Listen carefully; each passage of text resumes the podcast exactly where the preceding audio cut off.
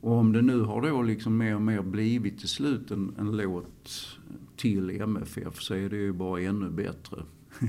och jag tycker det är jättekul att den spelas. Även om jag alltid blir lite generad när jag hör min egen musik i högtalarna så offentligt.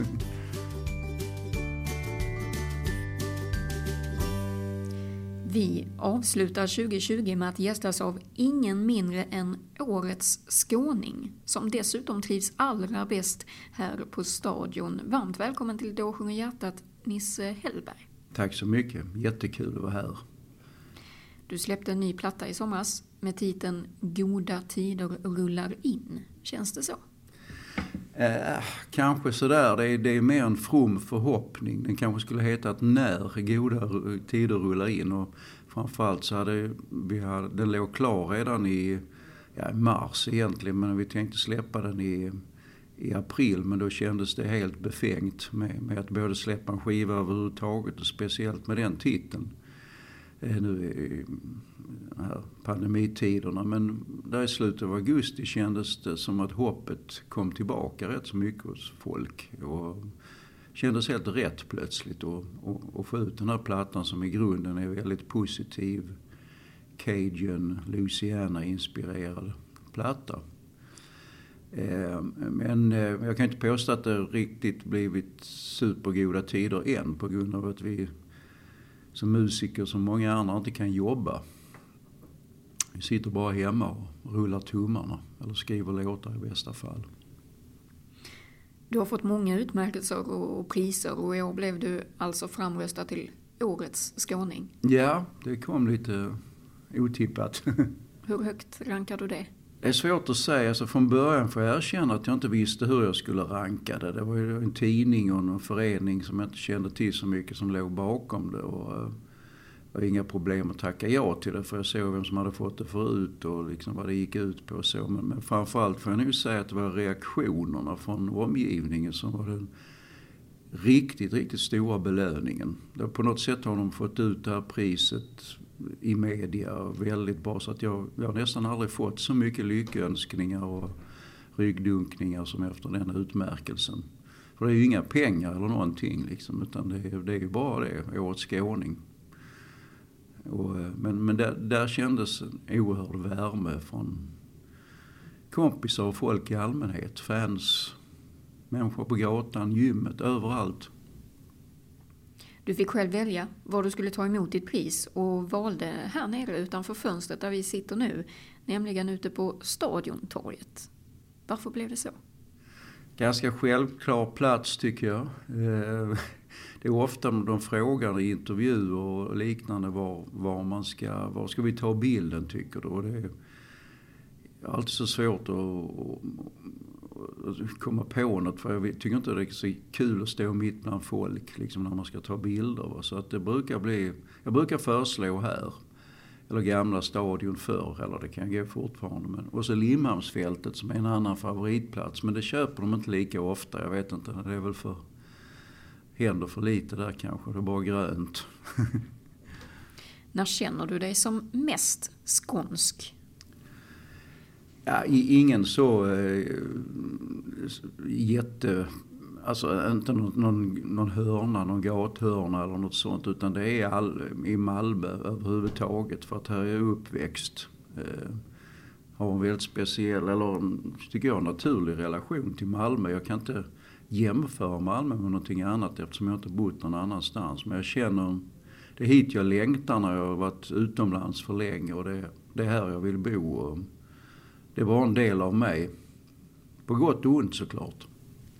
Du skymtas ju ofta här på matcherna. Inte den här säsongen ska väl påpekas, men man hittar dig ganska centralt på västra sidan. Är det där du trivs bäst? Ja, jag har faktiskt eh, bytt, eh, hoppat lite fram och tillbaka. Jag tycker det är lite kul. Så att eh, nu är jag ganska nära där ja. Och självklart så går jag på alla matcherna med, med min kompis Mats mest nu för tiden. Förr så skiftade det också men det har stabiliserat sig till, till honom. En, faktiskt en, den vän som jag känt längst som jag fortfarande umgås med. Så att, men nu blir, numera blir det mest på matcherna men det är ju inte illa det. Och jag går naturligtvis på allting om jag inte spelar eller är bortrest. Hur länge har du haft årskort? Oh, det där med årtal i närtid. Alltså, jag fick det eh, också. Jag räknar det som en utmärkelse när eh, MFFs ordförande på den tiden, Bengt Mattsson, gav mig ett, jag tror det heter Honorary Sky Blue Member. Som jag och Birgit Nilsson och var det Sixten Erling, Johannes Brost, Frida och hans minne och några till, Sven Melander förärade. Så Jag vet inte om det har fallit i glömska det priset för jag har inte sett någon ny utnämning på länge. Men det var i anknytning till det som jag fick mitt årskort också. Innan så gick jag ju på matcherna men då var det ju mer att köpa biljett och jaga biljett och i de fallen det var fullt. Och, sen dess har det varit lugnt på den punkten. Vilken är favoritplatsen att beskåda en fotbollsmatch ifrån? Ja, alltså förr i världen så gick jag ju alltid på ståplats och kände det, eh, tyckte det var helt nödvändigt. Att, att stå där i klungan, helst mitt på. Mittlinjen tycker jag absolut, eh, lite upp så. Men numera har det ju blivit ståplats, jag tycker, eller förlåt, sittplats. Jag tycker helt enkelt det är bekvämare att jag med viss rätt och har det skönt på matcherna efter att ha gått på fotboll sedan jag var sju, åtta år.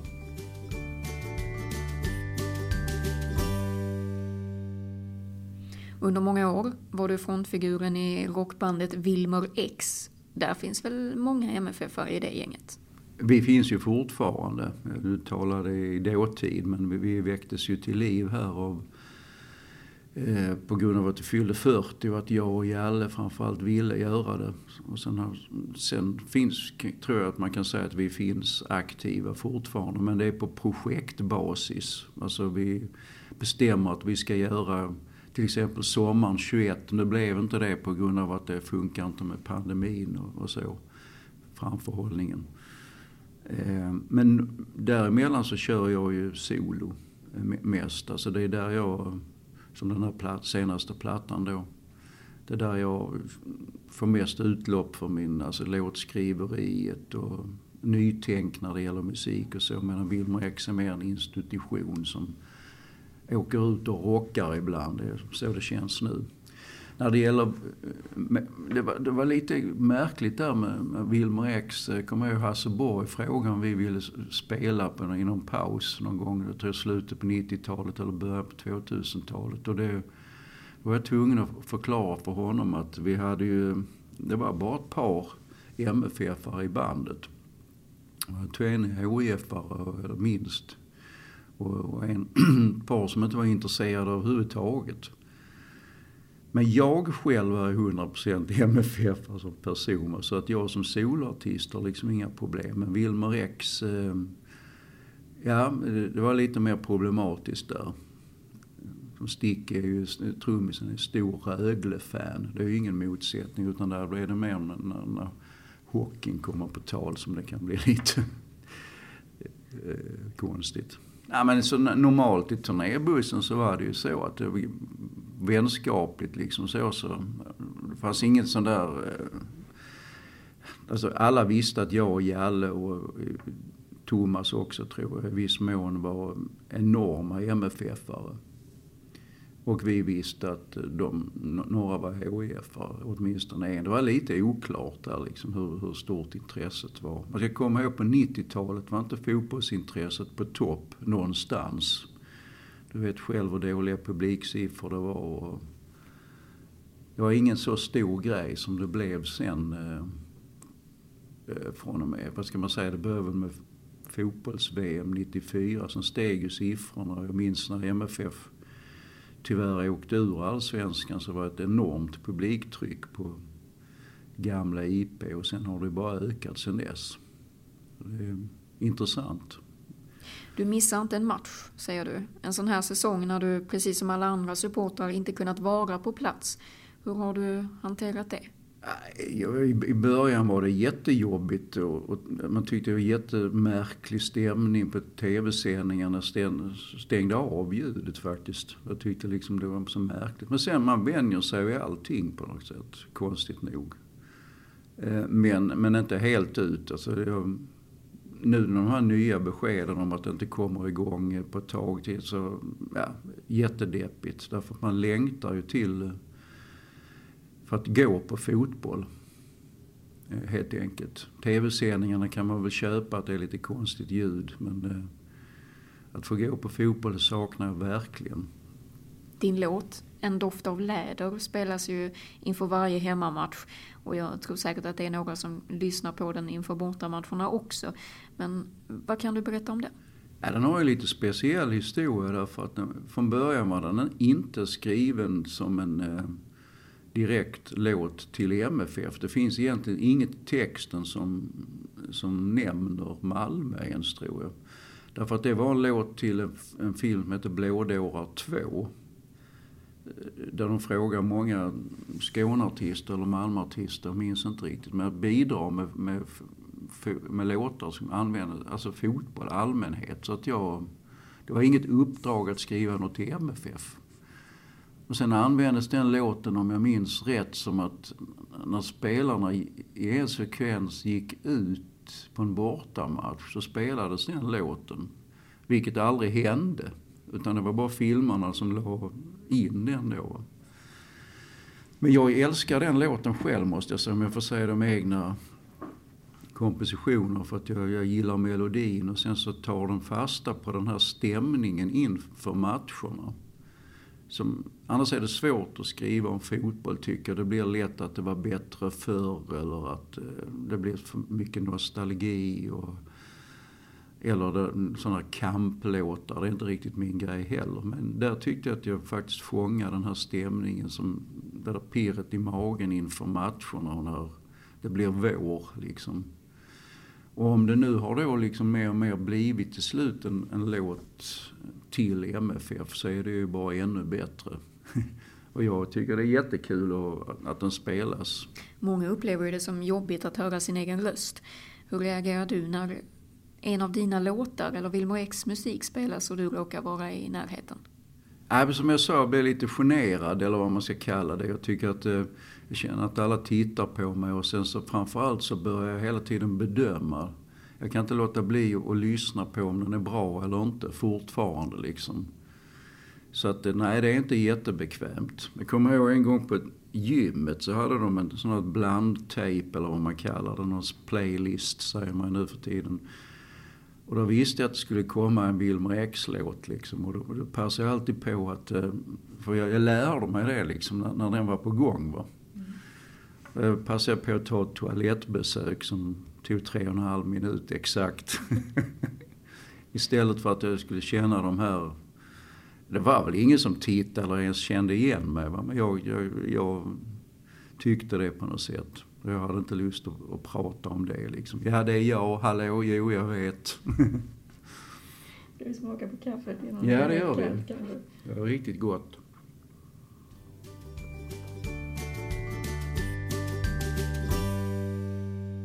Jag har enormt många t-shirts överhuvudtaget med olika grejer och en del är ju väldigt, eh, eh, många är MFF. Alltså jag har ju köpt alla de här så fort du vinner SM-guld och inte bara det. Så, så det finns många MFF-tröjor.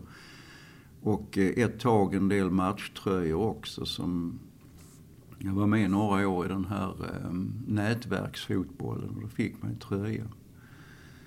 Och, eh, så att en hel del finns det men den stora samlingen är faktiskt en, en hel, enorm hög av, av blandat. Eh, rock och, ja du anar inte hur mycket men fotbollen har sin plats. Jag har en med Pelé och en med Bosse Larsson på. Och Rivelin och alla människor liksom.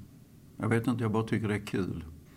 Favoriten är faktiskt eh, två stycken som är liknande. MFF, eh, antingen sex, jag kom, alltså årtal 16 och vann de 15. jag har glömt. Men de är i alla fall mörkblå. Och väldigt sköna att ha på sig när jag själv spelar. Så fort när jag spelar min motionsfotboll så har jag gärna dem och visar vilket lag jag håller på. Det gäller också att man är hyfsat bra också för att liksom inte skämma ut tröjan. Jag har en fruktansvärt sliten eh, som jag fick eh, ibland, förr fick man ibland bara en tröja av någon sponsor eller något sånt. Så jag har en från eh, Djurgården. Malmö mötte Djurgården 1998 med hela matchprogrammet på ryggen. Och den är, det är en favorit som jag gärna har. Ja, den har jag på mig. Jag har fått för mig att vi vinner oftare när jag har den. Vi vann inte den matchen dock. Det är det som är det konstiga. Vi vann inte så många matcher 98 om jag minns rätt. Men, men den har ändå blivit en sån där klenod. Va? Att det bara finns kvar är otroligt.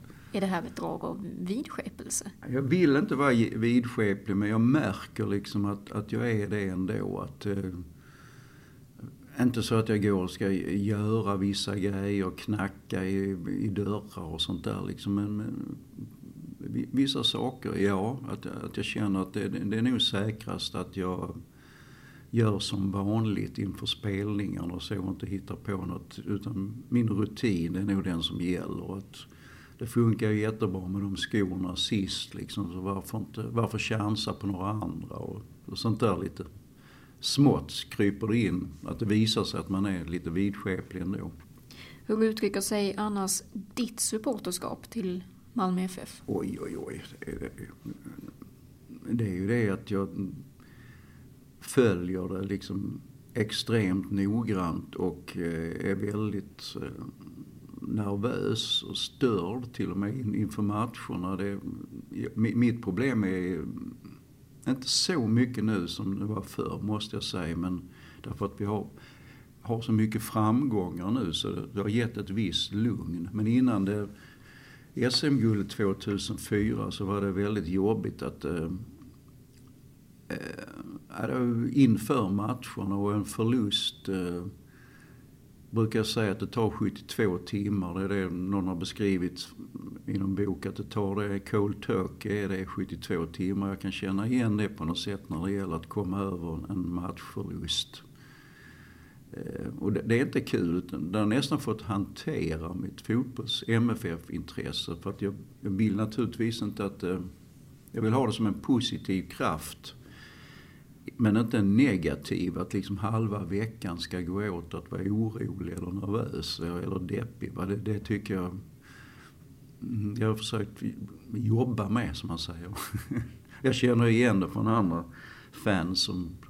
Jag är ju inte ensam i det, men... Eh, men annars är det mesta är ju bara roligt liksom. Eh, att, att gilla fotboll är något fantastiskt kul liksom. Jag tycker synd om de som inte har det. Eh, och nu, eh, det här året har det ju varit så mycket. Va? Man får ju nästan aldrig slappna av. Det är två matcher i veckan och det måste jag säga, det har jag trivts rätt bra med. det, det, är full fart kan man säga. Det är väl det enda positiva med det här med corona, liksom att det har varit ännu mer matcher när det väl kom igång där i juni var det väl. Vi har förstått att du spelar fotboll nu i, ska vi kalla det, vuxen ålder. Men spelade du redan som barn?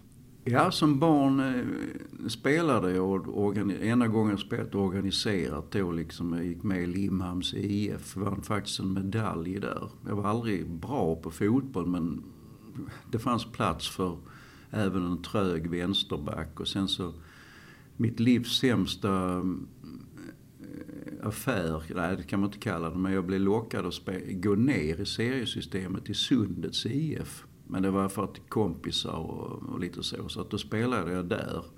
Ända till de där kritiska åren när, det, när man börjar bli, komma i puberteten och så.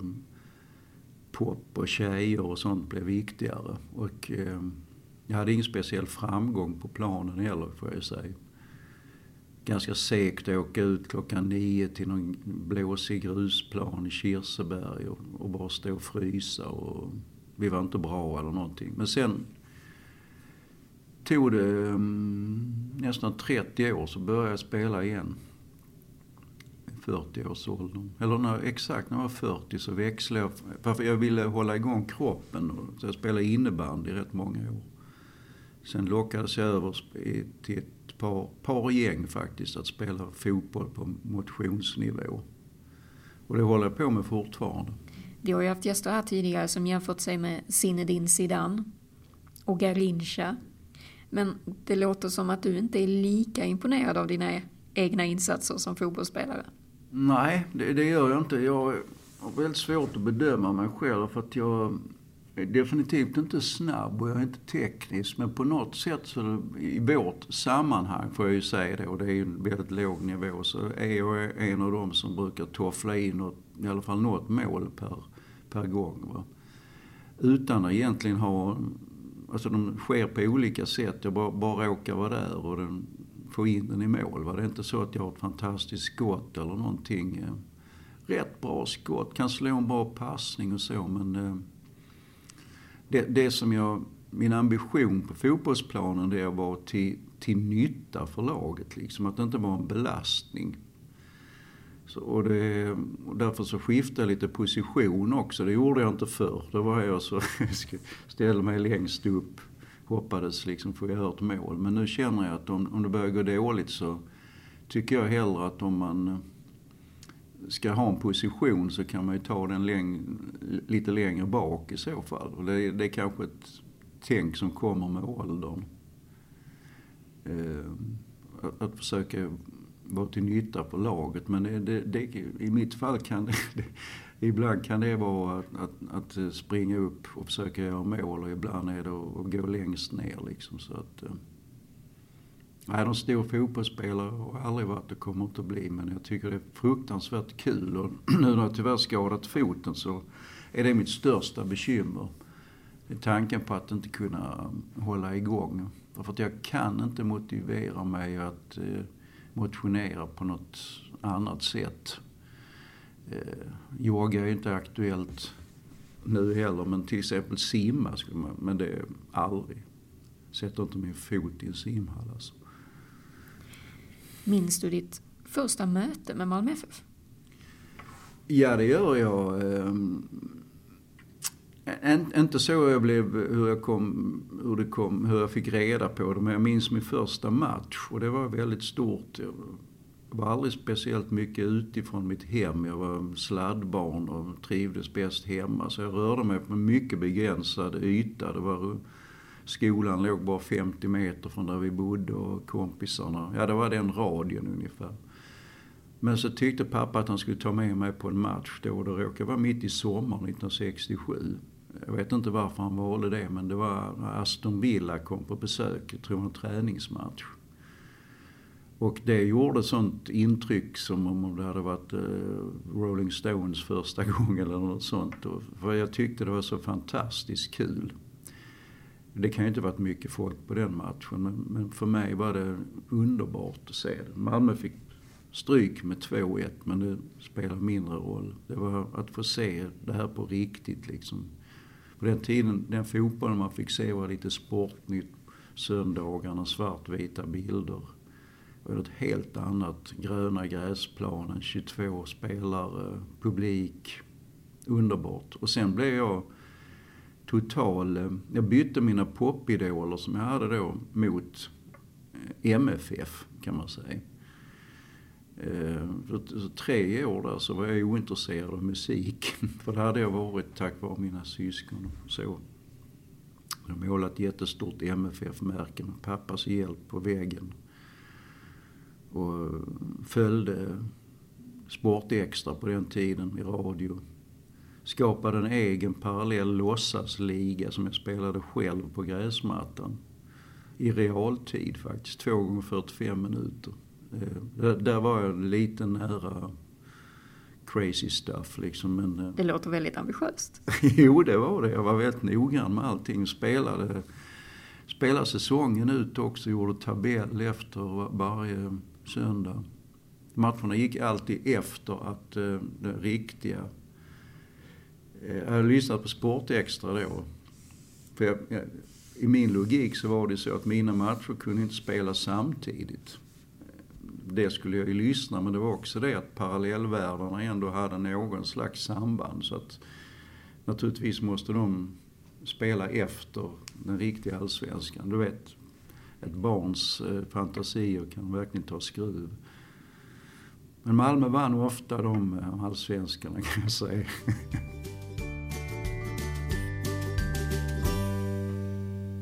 om man googlar Malmörock så kommer det ju förstås upp en hel del information om Malmö rockfestival.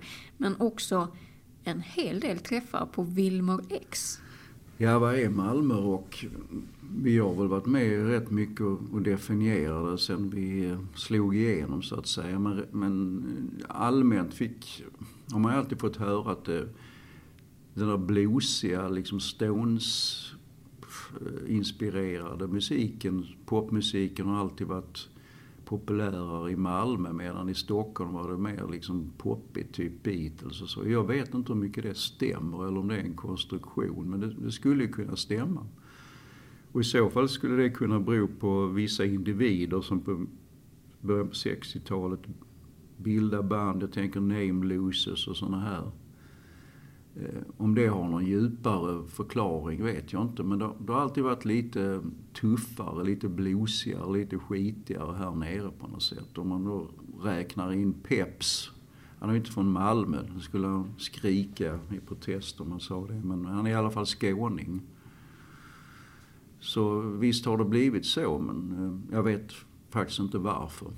För de som vill fördjupa sig i Wilmer X så kan vi väl tipsa om din självbiografi som är skriven av Micke Sjöblom som ju också har skrivit MFF-boken Stolt och stark. Men eh, namnet Wilmer X, var kommer det ifrån? Ursäkta. Ja, jo, det är en av de vanligaste frågorna därför att det brukar vara det och alla, de flesta följer upp med att säga att vi hette, påpeka att vi hette Wilmer Pitt från början. Och sanningen är så tråkig att det, det var ingen djupare idé därför att hela embryot till Wilmer X var jag och en kille som hette Claes Rosenberg som jag träffade i trean, som det heter, på gymnasiet då. Och eh, vi började med sådana här trickinspelningar som det hette då.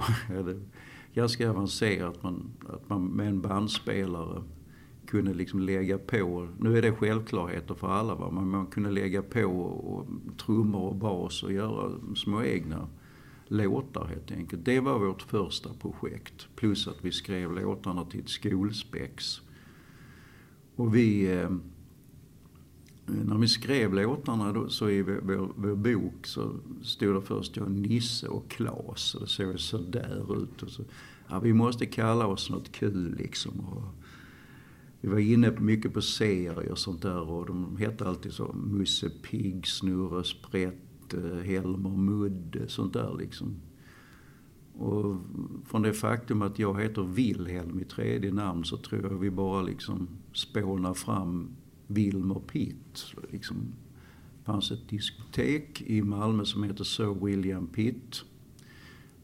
Eh, varför vet jag inte men det fanns ju två äldre ehm, jo, två statsmän i engelska historien som heter Sir William Pitt, den äldre och den yngre. Så det var bara ett namn som dök upp. Det var någon tjej på skolan som kallades Pia Pitt av någon eh, tråkigt namn, men så var det. Så att, vi ska komma ihåg att detta handlar bara om att det skulle stå någonting i vår lilla anteckningsbok. Så att, eh, skrev vi dit, jag kom, har den kvar där det står, det finns ett skifte, Nisse och Klas nästa låt Wilmer Pitt, liksom, eller Wilmer Pitt. Och sen eh, föddes idén att vi skulle ta detta till scen för en gång ett uppträdande i eh, skolsalen, eller vad ska man säga, skrivsalen på Pildammsskolan. Bara för att eh, chockera våra musikerkompisar som vi trodde hade, och publiken som vi trodde tyckte hade så tråkig musiksmak på den tiden. Eh, och då skulle det vara ett provocerande namn också. Liksom. Så den affischen står det Rock'n'Roll med Wilmer Pitt. Som tredje band tror jag, eller andra. Och sen eh, bedömde vi det som en så stor succé på oklara grunder efter för att det var väl våra kompisar jublade. Så vi bestämde att eh, vi ska spela mer. Och eh, vi ska heta detta för, ja, vi tog, jag tror vi tog det beslutet efter spelningen och sen så körde vi på ända tills eh, folk började klaga. Jalle i bandet tyckte att det var tråkigt att de slängde på luren när han sa vad vi hette och arrangören. Och när vi skulle göra vår första skiva så ville inte Lennart från Musik och konst som var en av de som låg bakom tyckte vi måste byta det namnet. Och även vår trummis. Han var den som var allra mest upprörd för att hans svärmor gillade inte det. Eller något sånt. Så vi gick med på att byta. Men jag hade, jag hade bestämt, eftersom vi hade gjort fem, sex spelningar på fritidsgårdar i Malmö, så tyckte jag att vi var så pass etablerade. Så att Wilmer måste vara kvar. Frågan är vad ska då ersätta det här? Och det är ju att måla in sig lite i ett hörn. Va? Så vi kom ju inte på något. Så att eh, det blev ett X för okänd faktor. Och vet Malcolm X, liksom lite tufft ändå så där tyckte vi. Men jag har aldrig varit så himla förtjust i namnet eftersom jag såg det mest som ett skojeri. Men det blev plötsligt för sent att ändra. Och det syns jäkligt bra i, i text. Alltså man, om, det, om det står Wilmer X någonstans så faller ögonen ganska snabbt på det. Och även på affischer. Så det, det var väl fördelen då. Första gången ni spelade tillsammans var 1978. Är det fortfarande lika roligt? Ja, det är det. Allting är inte lika kul därför att på den tiden var repa kul. Det var roligt att bära grejer, hyra utrustning, eh, hyra buss, åka iväg till Gislaved och spela och sånt. Det är inte lika kul eh, helt enkelt urtråkigt att resa, tycker jag nu för tiden. Utan, men vad som uppväger är ju gemenskapen med bandet, musikerna, före och efter spelningen och givetvis den dryga timmen på scen.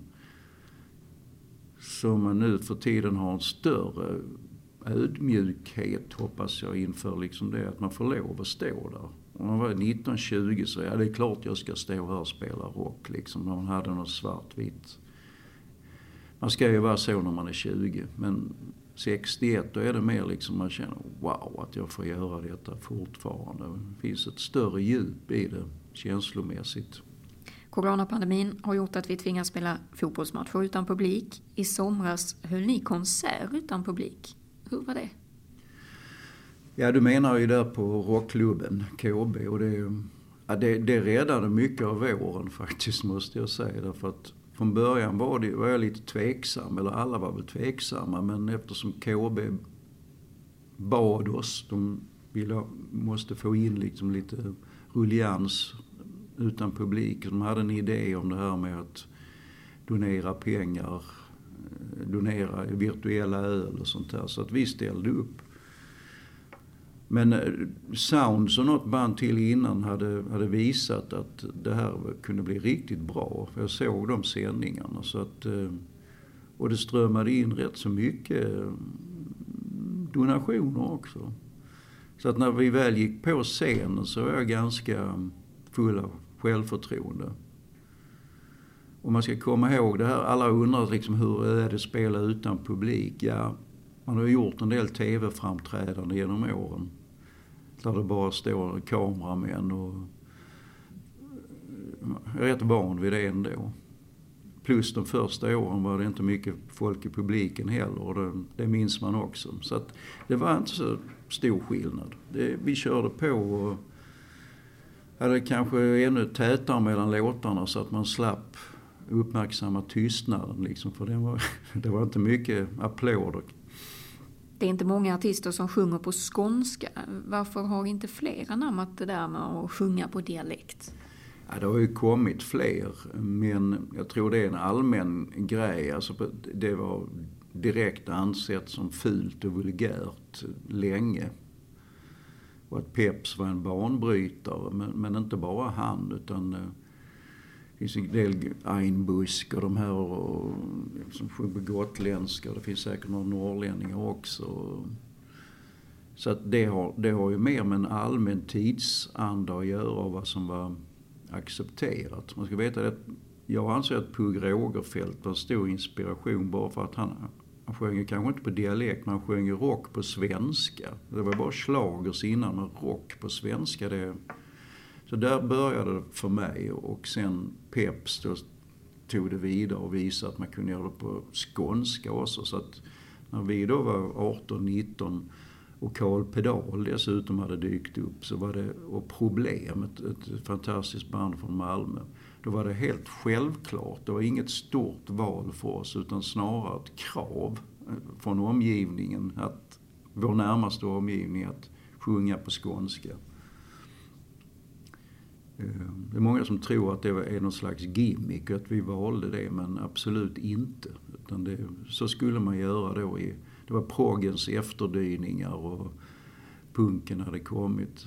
Nej, på sitt eget språk, det var det som gällde. Du beskriver dig själv som lite blyg och tillbakadragen. Hur går det ihop med den personen som du visar upp på scen? Ja, det, jag upptäckte det när man läser och tittar på andra ännu större artister. Liksom, att det, det, är nog inget ovanligt det här att en väldigt blyg, nästan socialt eh, handikappade människor kan hitta något slags rum på scenen. Och det är konstigt va, därför att där om någonstans borde man känna sig både uttittad och osäker. Men av någon anledning så får man luft där. Eh, och jag, kan, jag kommer ihåg när jag var 18-19 och några kompisar hade bildat ett band. Och jag, jag, jag stod där liksom, jag, jag, var lite inbunden ansågs faktiskt lite kufig av, av vissa i, i skolan. Men jag stod där bara och längtade upp. Jag måste få stå där på scenen. Jag vill bara dit. Men innan det som barn och yngre tonåring hade jag, vågade jag aldrig tänka och gjorde aldrig det riktigt. Så, men när jag, just när jag började få lite känsla för att det skulle kunna vara möjligt ändå då, för att jag hade börjat lära mig spela gitarr på riktigt och så. Då fick jag ett otroligt sug.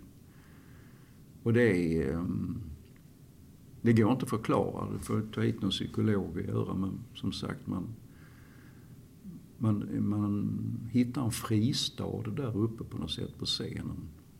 Ibland, ibland kan det vara, om man inte är på gott humör eller om man är nervös eller sjuk och så, så kan det vara det sämsta stället, det sista stället på jorden man vill vara på. Men ibland, och, och väldigt ofta, är det helt underbart. En sak som hängt med länge och nästan överallt, du vet kanske vad jag tänker på nu, den röda jackan.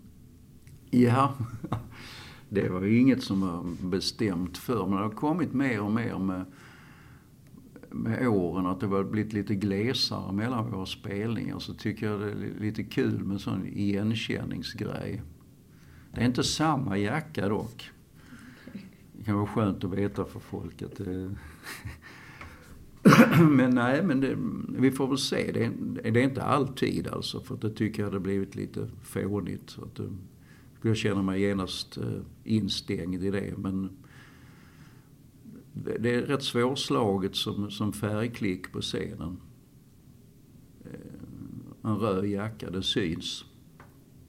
Som vi spelar då ett, jag återkommer till det hela tiden nu, men det här 40-årsjubileet, då växlar jag mellan en, en turkos och en eh, röd. Därför att jag tyckte just att ah, jag kan inte ha samma jacka varje gång. Och sen en, bara sån grej att jag tycker det kan vara kul när jag ser bilder på mig själv om man ska välja till någon sammanhang så är det, har man precis samma kläder hela tiden. Det är fan helt omöjligt att komma ihåg var den är tagen. Men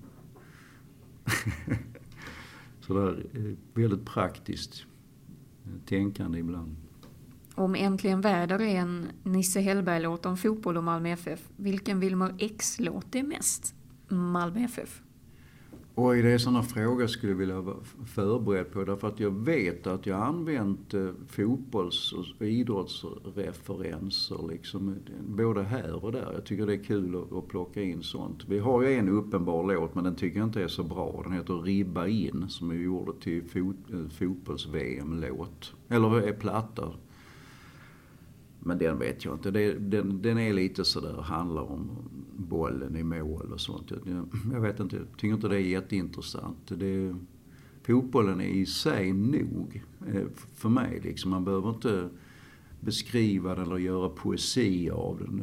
Vissa kan det och vill, men jag, jag tycker själva spelet det lämnar jag därhän. Men stämningen och gemenskapen runt matcherna, och, det tycker jag är intressant att skriva om.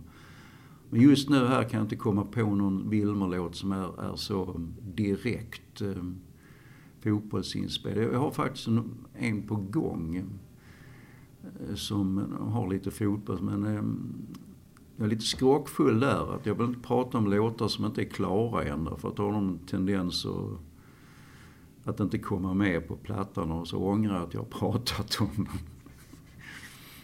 Så jag kom faktiskt på en MFF-låt här. Den, den kom inte med på plattan men den kom med på en, en EP eh, som vi släppte efter 13 våningar upp 2005. Den heter Kungen heter Bo.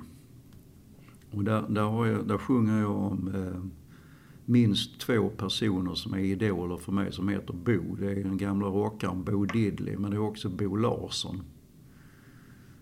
Och eh, när Bo Larsson signerade sin bok här i Baltiska hallen, tror jag det var, eller vid mässhallen, så, och jag stod i kö, köpte den, så gav jag honom den och sa att den här handlar om dig delvis.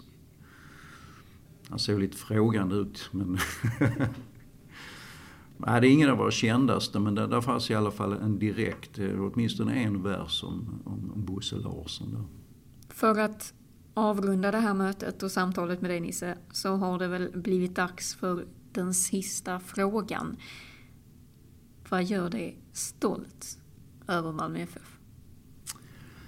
Ja, lite en lurigare fråga än vad man eh, tror, i alla fall för mig. Men det som jag slog mig först, när jag började tänka på det, det var den stämningen som är runt den här stadion där vi sitter nu. När, när det är en stor match, helst en internationell match. När det är mörkt, det är kanske sent på hösten och det är så fruktansvärt mycket folk och en enorm energi och förväntan i luften. Att få vara del av det. Eh, eh, därför att det bygger ju på ett, ett lag som har byggts upp, en klubb eh, enormt lång tid och att få vara en del av det och den gemenskapen, det gör mig på något konstigt sätt stolt. Ehm, självklart, alla segrarna, det, det fina spelet, att klubben står för bra värderingar. Ehm, det är sånt som... Jag måste också säga att jag har lite problem med själva uttrycket stolt, därför jag tycker det används lite märkligt i samma sammanhang. Jag har svårt för sådana här eh, anspelningar på fornstora dagar och sköldar och, och baner och fanor och hymner och sånt. Jag tycker det, det får lite tveksamt i sånt helt enkelt därför att det får, tänka, får mig att tänka på fel saker. Där man får värna det här uttrycket stolt för att all, det är ju något bra. Va? Um, men det är vad jag har kommit fram till, liksom, att det, det är gemenskapen kring en, mitt lag helt enkelt. Eh, som på något sätt jag och alla fans, supportrar är en del av. Och alla är, ni som jobbar naturligtvis. Jag sätter ju glädjen och jag är lite mer så lagd. Fan, vad kul, vad lyn som vi säger på skånska liksom, att gå på match. Det, det kommer före faktiskt stoltheten för, för mig liksom. Bara, bara det där, äh vad fan, det, det är kul, det är lyn. Men jag känner också, kommer känna en stolthet. Och eh, varje gång jag cyklar förbi den här stadion och framförallt går in i den så, så är det en stolthet därför att jag jag kom in i, i klubben på allvar liksom eh, i nätverket och så under den, när det eh, när de här besluten togs, som jag, jag kan det inte 100% så jag hoppas jag säger rätt, men jag eh, uppfattade det som att resan började där när Malmö FF åkte ur allsvenskan. Eh, via spel, vissa spelarförsäljningar men ett, ett jäkla krafttag helt enkelt i, he, i hela stan och av klubben så står denna enormt fina arena med sin, sin eh, stämning här nu och det, det gör mig också stolt att få vara en del av det. Men det, jag hade nog varit stolt även om jag inte hade varit en del av det rent bokstavligt. Man är från Malmö och man, man gillar det som går bra med Malmö. Framförallt Malmö FF.